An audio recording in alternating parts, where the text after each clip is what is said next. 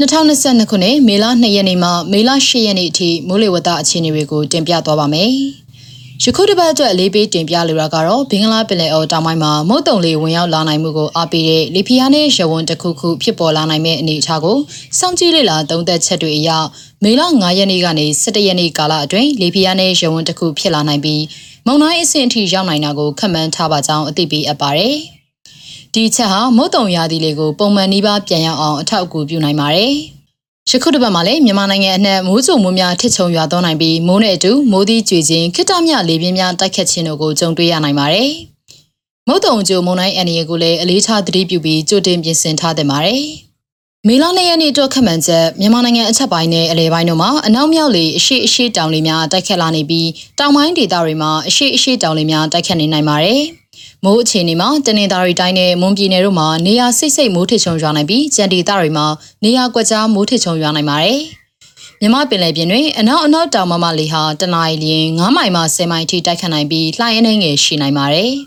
။မေလ3ရက်နေ့အတွက်ခန့်မှန်းချက်မြန်မာနိုင်ငံအထက်ပိုင်းနဲ့အလယ်ပိုင်းတို့တွင်တောင်အနောက်တောင်လေများတိုက်ခတ်လာနေပြီးတောင်ပိုင်းဒေသတွေမှာအရှိအရှိတောင်လေများတိုက်ခတ်နေနိုင်ပါတယ်။ မိုးအခြေအနေမှာတနင်္သာရီတိုင်းမွန်ပြည်နယ်ကရင်ပြည်နယ်နဲ့ရှမ်းပြည်နယ်တောင်ပိုင်းတို့မှာနေရာစိတ်စိတ်မိုးထချုံရွာနိုင်ပြီးကြံဒေသတွေမှာနေရာကွက်ကြားမိုးထချုံရွာနိုင်ပါတယ်။မြမပင်လယ်ပြင်တွင်တောင်အရှိတောင်မမလေးဟာတနအီလရင်10မိုင်မှ15မိုင်အထိတိုက်ခတ်နိုင်ပြီးလှိုင်းအသင့်အတင့်ရှိနိုင်ပါတယ်။မေလ၄ရက်နေ့တော့ခမှန်ချက်မြန်မာနိုင်ငံအထက်ပိုင်းနဲ့အလဲပိုင်းတို့မှာတောင်နောက်တောင်လေများတိုက်ခတ်လာနေပြီးတောင်ပိုင်းဒေသတွေမှာအရှိအရှိတောင်လေများတိုက်ခတ်နေနိုင်ပါတယ်။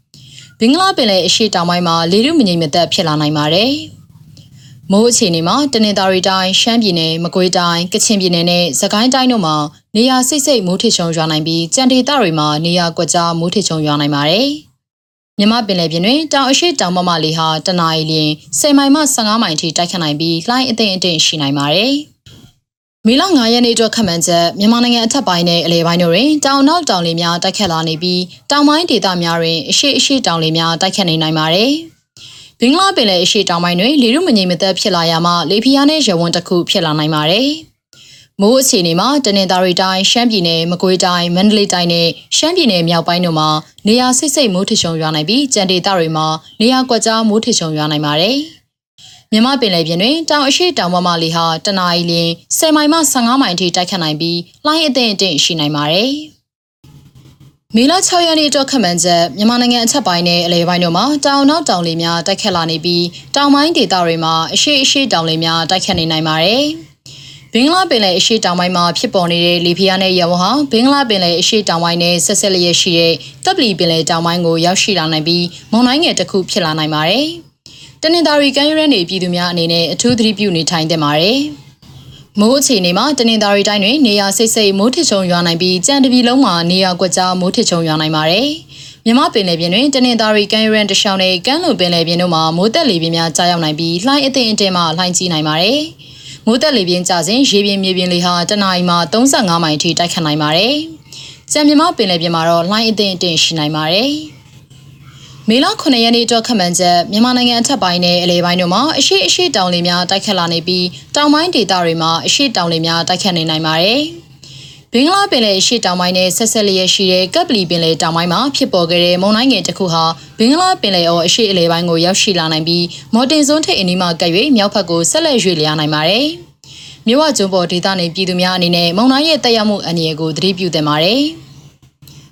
မိုးအခြေအနေမှာတနင်္သာရီတိုင်းမှာနေရာစိတ်စိတ်မိုးထချုံရွာနိုင်ပြီးကြံတပြည်လုံးမှာနေရာကွက်ကြားမှာနေရာကျဲကျဲမိုးထချုံရွာနိုင်ပါတယ်။မြမပင်လယ်ပြင်တွင်မြဝကျွန်းပေါ်မွန်တနင်္သာရီကဲရန်တရှောင်းနဲ့ကမ်းလွန်ပင်လယ်တို့မှာမိုးတက်လေပြင်းများကြားရောက်နိုင်ပြီးလှိုင်းအသင့်အတင်မှလှိုင်းကြီးနိုင်ပါတယ်